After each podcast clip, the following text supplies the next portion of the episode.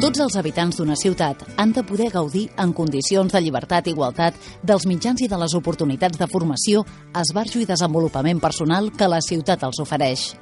Però què hi pots fer tu? A Ràdio Lot sabem que educar és un repte de tots. Per això us convidem a escoltar els dilluns i els diumenges el programa Educar, un repte de tots, un espai per conèixer amb més profunditat el projecte Olot Ciutat Educadora. A Ràdio Lot sabem que educar és un repte de tots.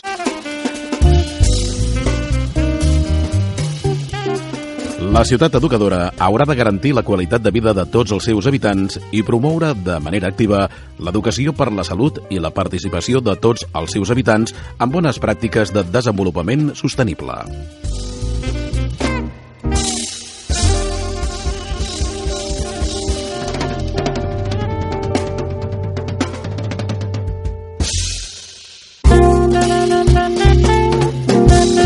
La ciutat educadora persegueix millorar la qualitat de vida de tots els ciutadans. És evident que un dels pilars bàsics de la qualitat de vida de les persones passa per la salut. Hem d'entendre la salut amb el sentit més ampli de la paraula, perquè avui parlarem de salut, de prevenció d'hàbits, d'alimentació, d'activitat física, en resum, de qualitat de vida. Per parlar sobre aquest tema, avui tenim diversos convidats aquí, a l'estudi de Ràdio Lot.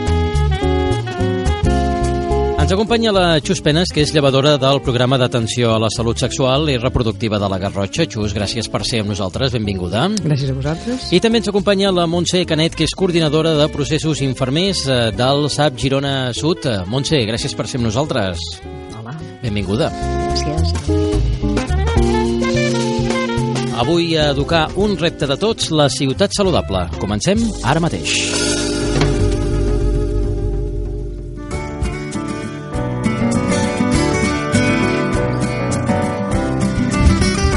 Xus, Montse, és així com hem d'entendre la salut des d'una perspectiva més àmplia que el fet de no tenir malalties? Què entenem per salut, Xus, per exemple? Doncs veritablement és així, i des d'un punt de vista molt positiu. A mi m'agrada molt compartir la definició que va fer un metge català, en Jordi Gol, de salut és aquella manera de viure que és autònoma, solidària i joiosa. Eh? Crec que és una salut feta, una definició feta des del territori i que precisament abarca tots aquests components. Mm -hmm. Estaries completament d'acord amb aquesta afirmació, Montse, o hi afegiries alguna cosa més? Completament d'acord. Um, crec que a més a més s'han de tenir en compte aspectes que no tenen res a veure amb tot el que relaciona amb la biologia de les persones. Quan parlem de salut hem de tenir present que hi han factors eh, ambientals, de, de coneixement, diguem-ne, de relació amb les persones de l'entorn, d'habitatge, de feina, de treball, eh, factors biològics també, d'edat de, i sexe, que determinen que una persona pugui tenir una millor salut. Perquè quins són els elements que us semblen que configuren una ciutat saludable? Montse. Uh, jo crec que una ciutat saludable, en principi, la configuren els, les persones que hi viuen que volen que aquella ciutat sigui, tingui un, un, un entorn saludable. Per tant, eh, el fet de que hi hagi persones vivint en una ciutat que, que creguin que poden modificar les coses eh, pot fer que aquella ciutat tingui un entorn de més qualitat de vida. Veritablement, com diu la Montse, és, per una banda és la persona eh, i per l'altra és l'entorn i on viu. Si estem parlant des del concepte de ciutat, precisament, és l'entorn físic, són els edificis, són els espais de lleure, els espais de relacions, els espais per practicar esports, els espais per jugar a la mainada i la política que la ciutat emprengui a l'hora de donar permisos, llicències o organitzar tot el que és les relacions entre les persones que hi viuen. La ciutat com a espai, com a col·lectiu, incideix d'alguna manera en una cultura més o menys saludable als seus ciutadans? I tant, sí? i tant.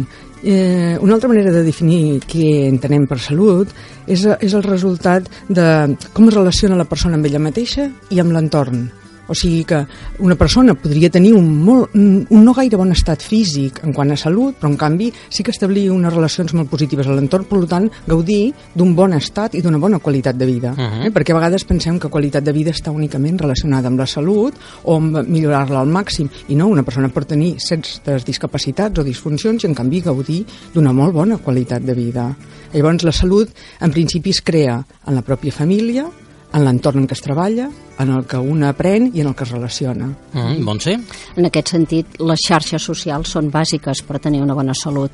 Des de l'escola que eh, els nostres eh, nois i noies doncs, van creixent eh, fent interrelacions a nivell doncs, de, de coneixements, d'adquirir coneixements, també a nivell d'espais de lleure, a nivells d'esport de, de, que practiquen i que l'han de compartir amb altres companys.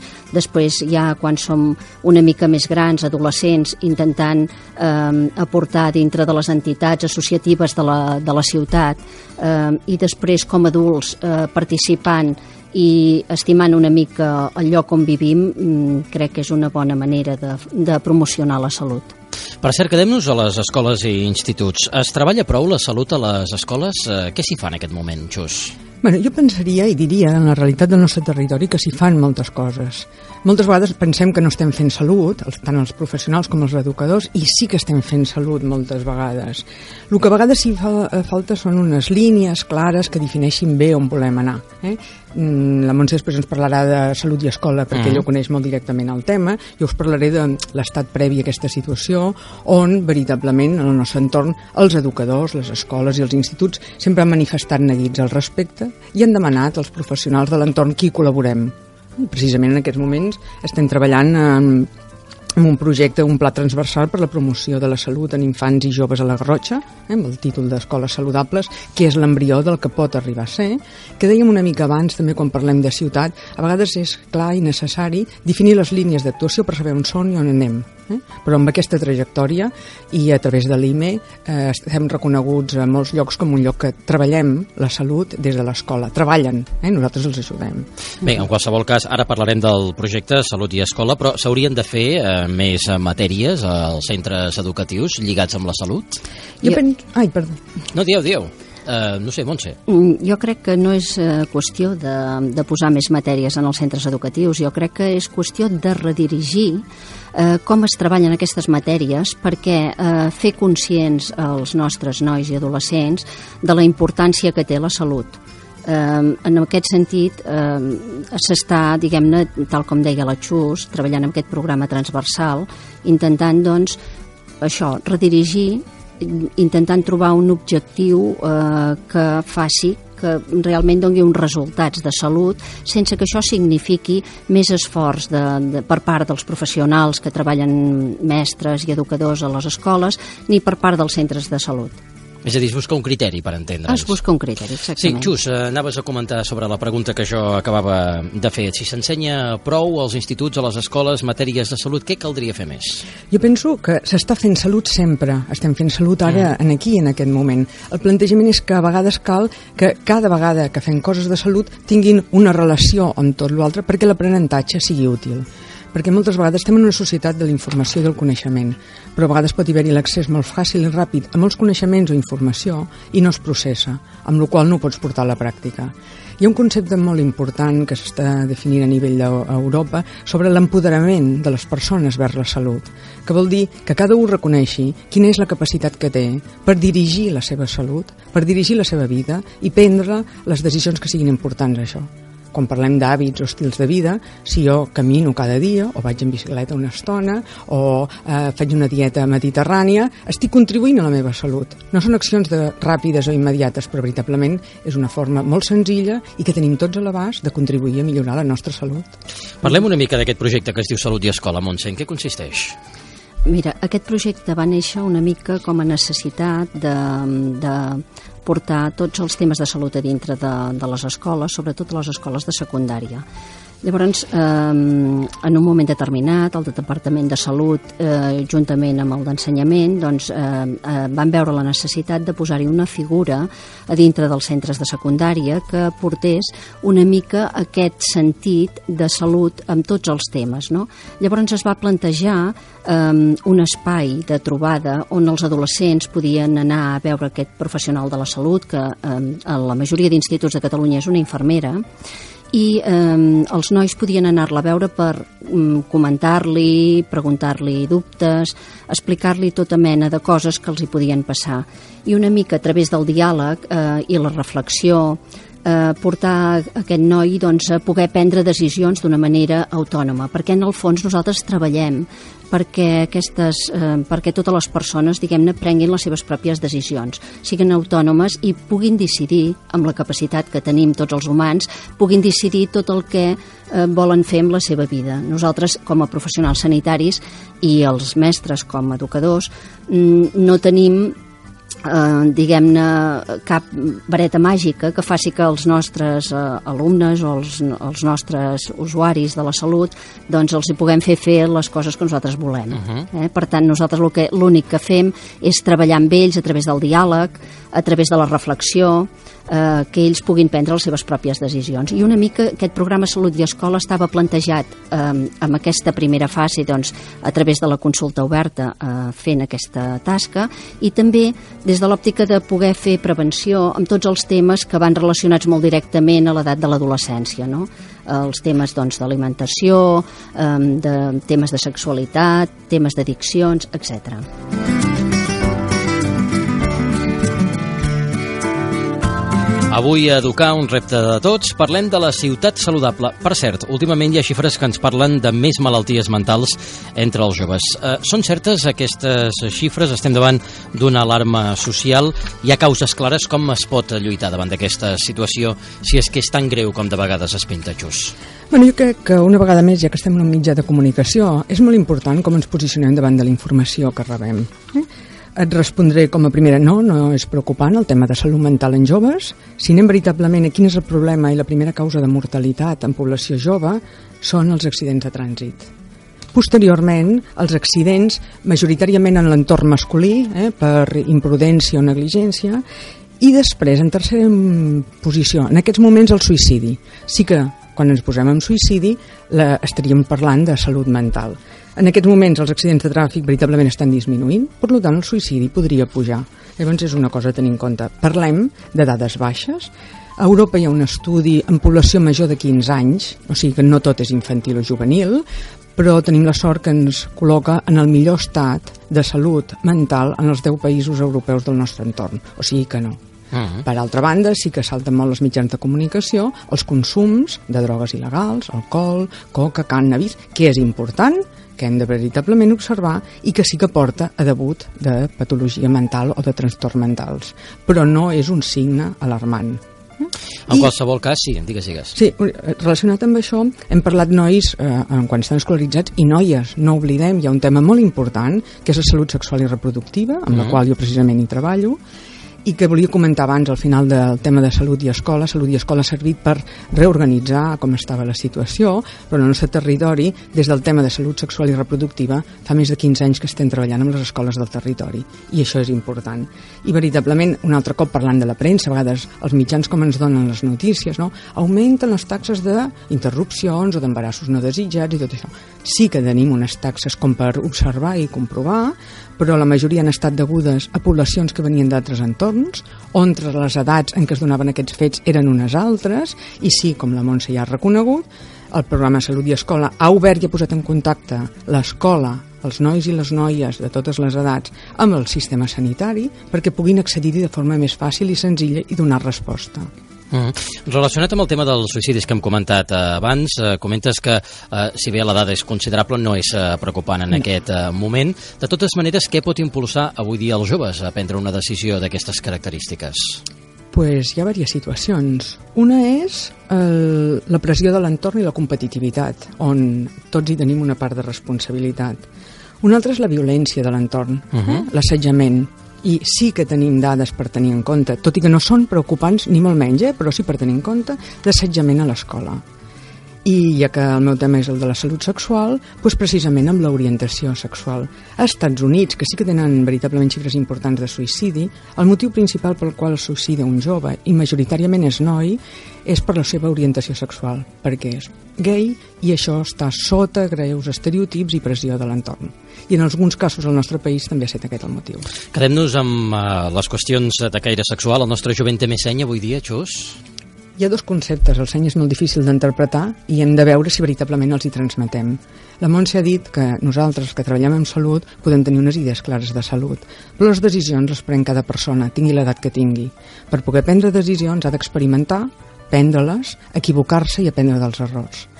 I una de les situacions que jo sóc una mica crítica de la societat actual és que no deixem aprendre els nens, nenes, nois, noies a responsabilitzar-se de les seves accions. Llavors, què passa? Arriben a una edat molt crítica, quan comencen l'autonomia, i és precisament en temes de consums i de sexe. I a vegades els primers aprenentatges amb aquests temes poden ser difícils. Però penso que tenen unes capacitats molt bones que la desenvolupen i que tenim un jovent molt positiu en el nostre territori. Va haver una temporada en què es parlava molt de l'obesitat, Montse, sobretot mhm. -huh. la infantil. Sembla sí. que ara eh, ha anat perdent protagonisme, o almenys no se'n parla tant. Això vol dir que s'ha frenat la tendència? No. Malauradament no s'ha frenat la tendència, eh, es parla de que l'obesitat és una plaga del segle XXI i el que passa és que sí que és un tema que eh, hem de, hem de ser coherents. El, els adults hem de ser coherents quan parlem de tots els temes amb els adolescents. Eh, nosaltres hem de ser capaços de transmetre valors i coneixements, però eh, també els hem de deixar l'espai de llibertat perquè ells puguin decidir. Eh, en aquest sentit, eh, si nosaltres des de casa promocionem tot un estil de vida saludable, eh, és més fàcil que doncs, eh, els nois i noies no arribin a tenir una, uns problemes de sobrepès i d'obesitat. Però sí que aquest tema és un tema que preocupa perquè, eh, diguem-ne, l'obesitat és un dels eh, factors de risc que porta a malalties eh, que en el seu de, al llarg de la vida poden ser importants. Mm. De totes maneres, eh, sembla que fins i tot grans eh, marques comercials aposten per el que anomenen l'alimentació eh, saludable. Eh, es tracta, mm. estem davant d'una feina de tots de conscienciar els joves, és a dir, fins i tot aquells a qui s'acusava de fer potser un menjar que no era tan saludable, ara també s'apunten al carro amb la finalitat això, de, mm-hmm. de, de, de demostrar que en certa manera també estan per aquesta feina? Sí, sí, ens hi hem d'apuntar tots amb aquesta feina. És responsabilitat de tota la societat eh, el que nosaltres estiguem bé de salut a partir d'una alimentació sana i si això nosaltres no som capaços de fer-ho nosaltres mateixos difícilment ho podrem transmetre amb els nostres joves. Jo crec que aquí eh, tota la societat té una part molt important de responsabilitat. Eh? La responsabilitat, com diu la Montse, és social en tots els aspectes. Eh? Tenim, per una banda, la família, on hem de mantenir la coherència, perquè a vegades podem donar un missatge i alhora fer-ne una altra la realitat. Tenim l'escola, estem parlant d'alimentació, i estem parlant de l'entorn, de vull dir, què es, cultivi, què es cultiva en el territori, què es ven, quins eh, permisos es donen i quin tipus de, eh, es dona a l'abast en quant als mitjans per quals alimentar-se línies que s'han posat a escola de suprimir bulleria, de posar productes naturals, fruites, tot això és, però que és com diu la Montse, responsabilitat de tots i a tots els àmbits. Hi ha una frase que diu, digue'm què menges i et diré d'on ets. Com mengem els olotins, senyores? Bé, jo crec que no, no, no, no hi ha d'haver diferència entre el que es menja a Olot o es menja en altres parts del territori.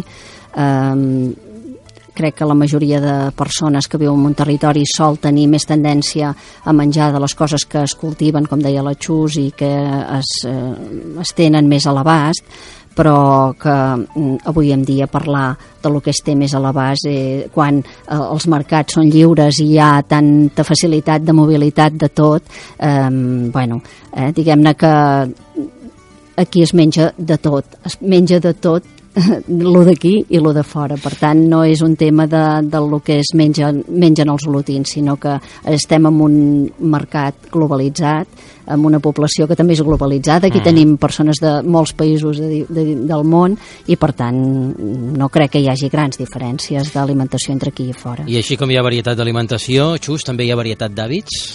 Sí, la Montse ha dit, els hàbits s'adquireixen a la família i a la cultura. Llavors, cada territori, cada cultura té els seus i a vegades també el que hem de procurar és intentar fer una adaptació, perquè malgrat que hi ha globalització en tot, amb l'alimentació a vegades pot ser una mica complicat. Respecte a la pregunta anterior, volia fer un petit comentari de dir eh, la, sí que hi ha alguna inclinació al territori. Nosaltres no estem a la costa, per tant, el peix, tot i que el tenim a la mà sense cap dificultat, costa una mica que entri la dieta. Eh? Jo diria que la dieta de la garrotxina o garrotxí típic la, el peix entra en dos àpats dels 14 que fem a la setmana eh? i els altres majoritàriament és carn. Pues, podríem corregir una mica això i podríem potenciar una mica la fruita i la verdura que veritablement tenim a l'abast. Però mengem de tot, mengem correcte, estem dintre de, de la dieta eh, mediterrània. Avui amb la Xus Penes i la Montse Canet estem parlant de la ciutat saludable. La població té una esperança de vida cada vegada més llarga. Com afecta aquest fet a la vida de la ciutat? Què ens caldrà tenir en compte, Montse, en el futur? Home, ens cal tenir en compte doncs, que cada vegada tindrem eh, persones més grans en la nostra població i això és un fet que, que no és que passarà, sinó que ja estem eh, ja ens està passant, llavors doncs, bueno, eh, hem d'intentar eh, el, dintre del que puguem doncs, facilitar el, el que aquestes persones tinguin una vida també el més saludable possible. En aquest sentit, jo crec que viure a Olot és un, és un plaer, eh, Olot té una, un, uns llocs, uns espais on aquestes persones poden caminar, passejar, eh, poden fer una vida normalitzada i, i inclús mm, amb, amb l'espai doncs, eh, molt, mi, molt millor que en una gran ciutat. Llavors, doncs, bueno, mm, no hem de fer res més perquè això serà un, una situació que es donarà a, moltes, a molts territoris. Jo volia fer un petit comentari, veritablement cada vegada tenim l'esperança de vida més llarga, però el que ens hem de plantejar és la qualitat de vida, eh? lligant amb el que tu introduïes al principi. No viure més anys vol dir viure millor, a vegades ens hem de plantejar en sèrio quines són les mesures que es prenen per allargar la vida i sense qualitat, perquè no és el mateix donar vida als anys que donar anys a la vida. Eh? I quan una altra aportació que veritablement Olot ha fet seriosament en quant a la població més gran i de més dificultats són la construcció de pisos tutelats, que els hi és fàcil i còmode viure, i penso que això és un exemple a prendre per moltes altres ciutats. Bé, de fet, ja hi ha altres eh, ciutats que s'han interessat per precisament aquest eh, projecte. Sembla, però, que Olot destaca en solidaritat. Quan parlem, per exemple, de donacions de sang, som els reis i els número 1, segons eh, diuen eh, algunes estadístiques. La ciutadania està molt conscienciada, Montse, en aquest sentit. Mira, ara s'acosta l'estiu sí. i diuen que farà falta molta sang perquè, de fet, en el període estival és eh, quan doncs, eh, les recaptes baixen i, per tant, ara és el moment de donar-ne. Explica'ns una mica quina és la situació. Bueno, des del banc de sang el que es fa és, eh, durant molts caps de setmana, eh, s'instal·len a l'Hospici d'Olot i, o bé a l'hospital a, a consultes externes i des d'allà doncs, fan eh, una demanda a la població perquè assisteixi, però sí que és veritat que un cop a l'any es fa una, una demanda massiva de, de, doncs, de, que, de, de que la gent sigui solidària i realment Olot ho és de solidària. Però no només amb el tema de banc, banc de sang, sinó que hi ha moltes entitats que eh, treballen per la ciutat Eh? No cal oblidar que doncs, tenim entitats com Càritas, com Creu Roja, que estan fent una actuació immillorable perquè determinats sectors més desfavorits de la nostra societat doncs, puguin accedir eh, a, a temes que habitualment en altres ciutats tenen una mica més de complexitat. Mm-hmm. -huh. Per tant, podrem estar contents no? de la nostra societat, de la societat pròpia de la nostra comarca? Jo crec que sí, jo crec que hem d'estar contents i orgullosos. El que passa que això no vol dir que ens hàgim d'estar mirant el màlic sempre. Vol dir que hem de continuar treballant perquè això eh, funcioni. Vull dir, la corresponsabilitat de tots els ciutadans perquè les coses funcionin, per trobar aquesta xarxa que, de poder-nos entendre amb, entre persones de diferents sectors, doncs això jo crec que no s'ha de baixar mai la guàrdia. Eh? La capacitat de diàleg, eh, en aquest sentit, eh, és molt important.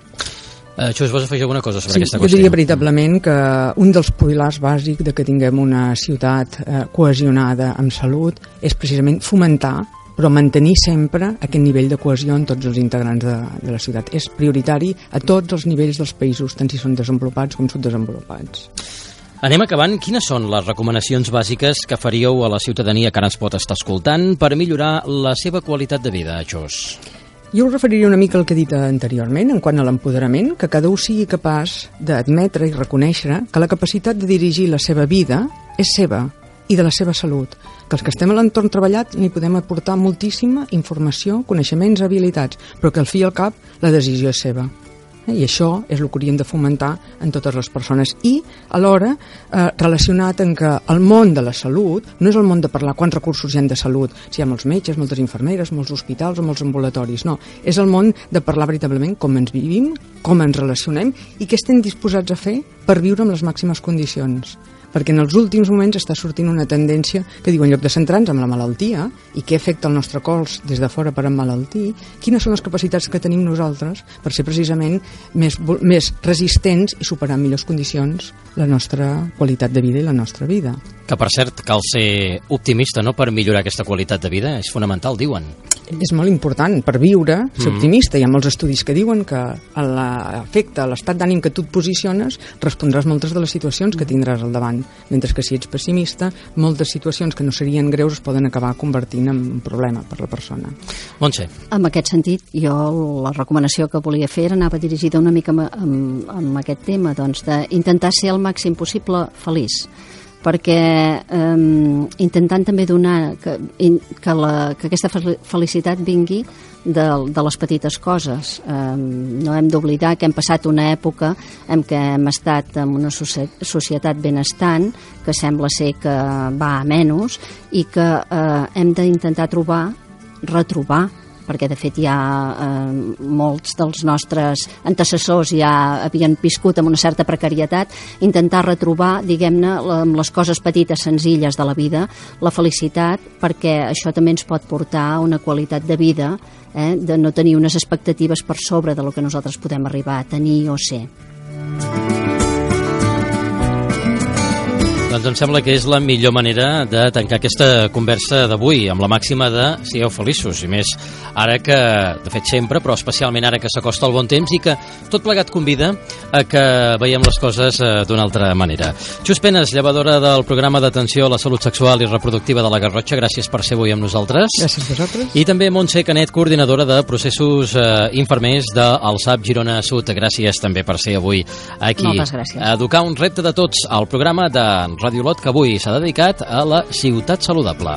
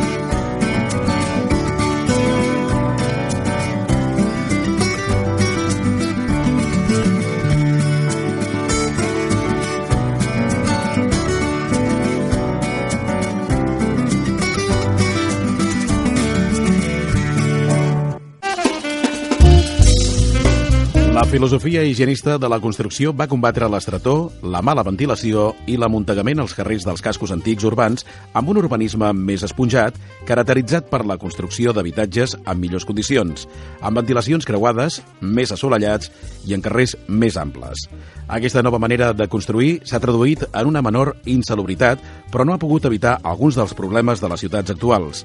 Congestió, soroll i contaminació per la pols atmosfèrica són algunes de les principals qüestions a resoldre, segons Francesc Pere Miquel, arquitecte.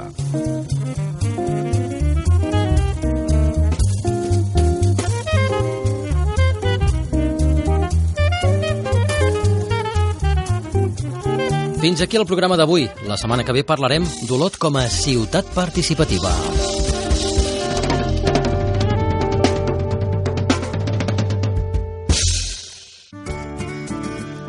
Els habitants d'una ciutat han de poder gaudir en condicions de llibertat i igualtat dels mitjans i de les oportunitats de formació, esbarjo i desenvolupament personal que la ciutat els ofereix. Però què hi pots fer tu? A Ràdio Lot sabem que educar és un repte de tots. Per això us convidem a escoltar els dilluns i els diumenges el programa Educar, un repte de tots, un espai per conèixer amb més profunditat el projecte Olot Ciutat Educadora. A Ràdio Lot sabem que educar és un repte de tots.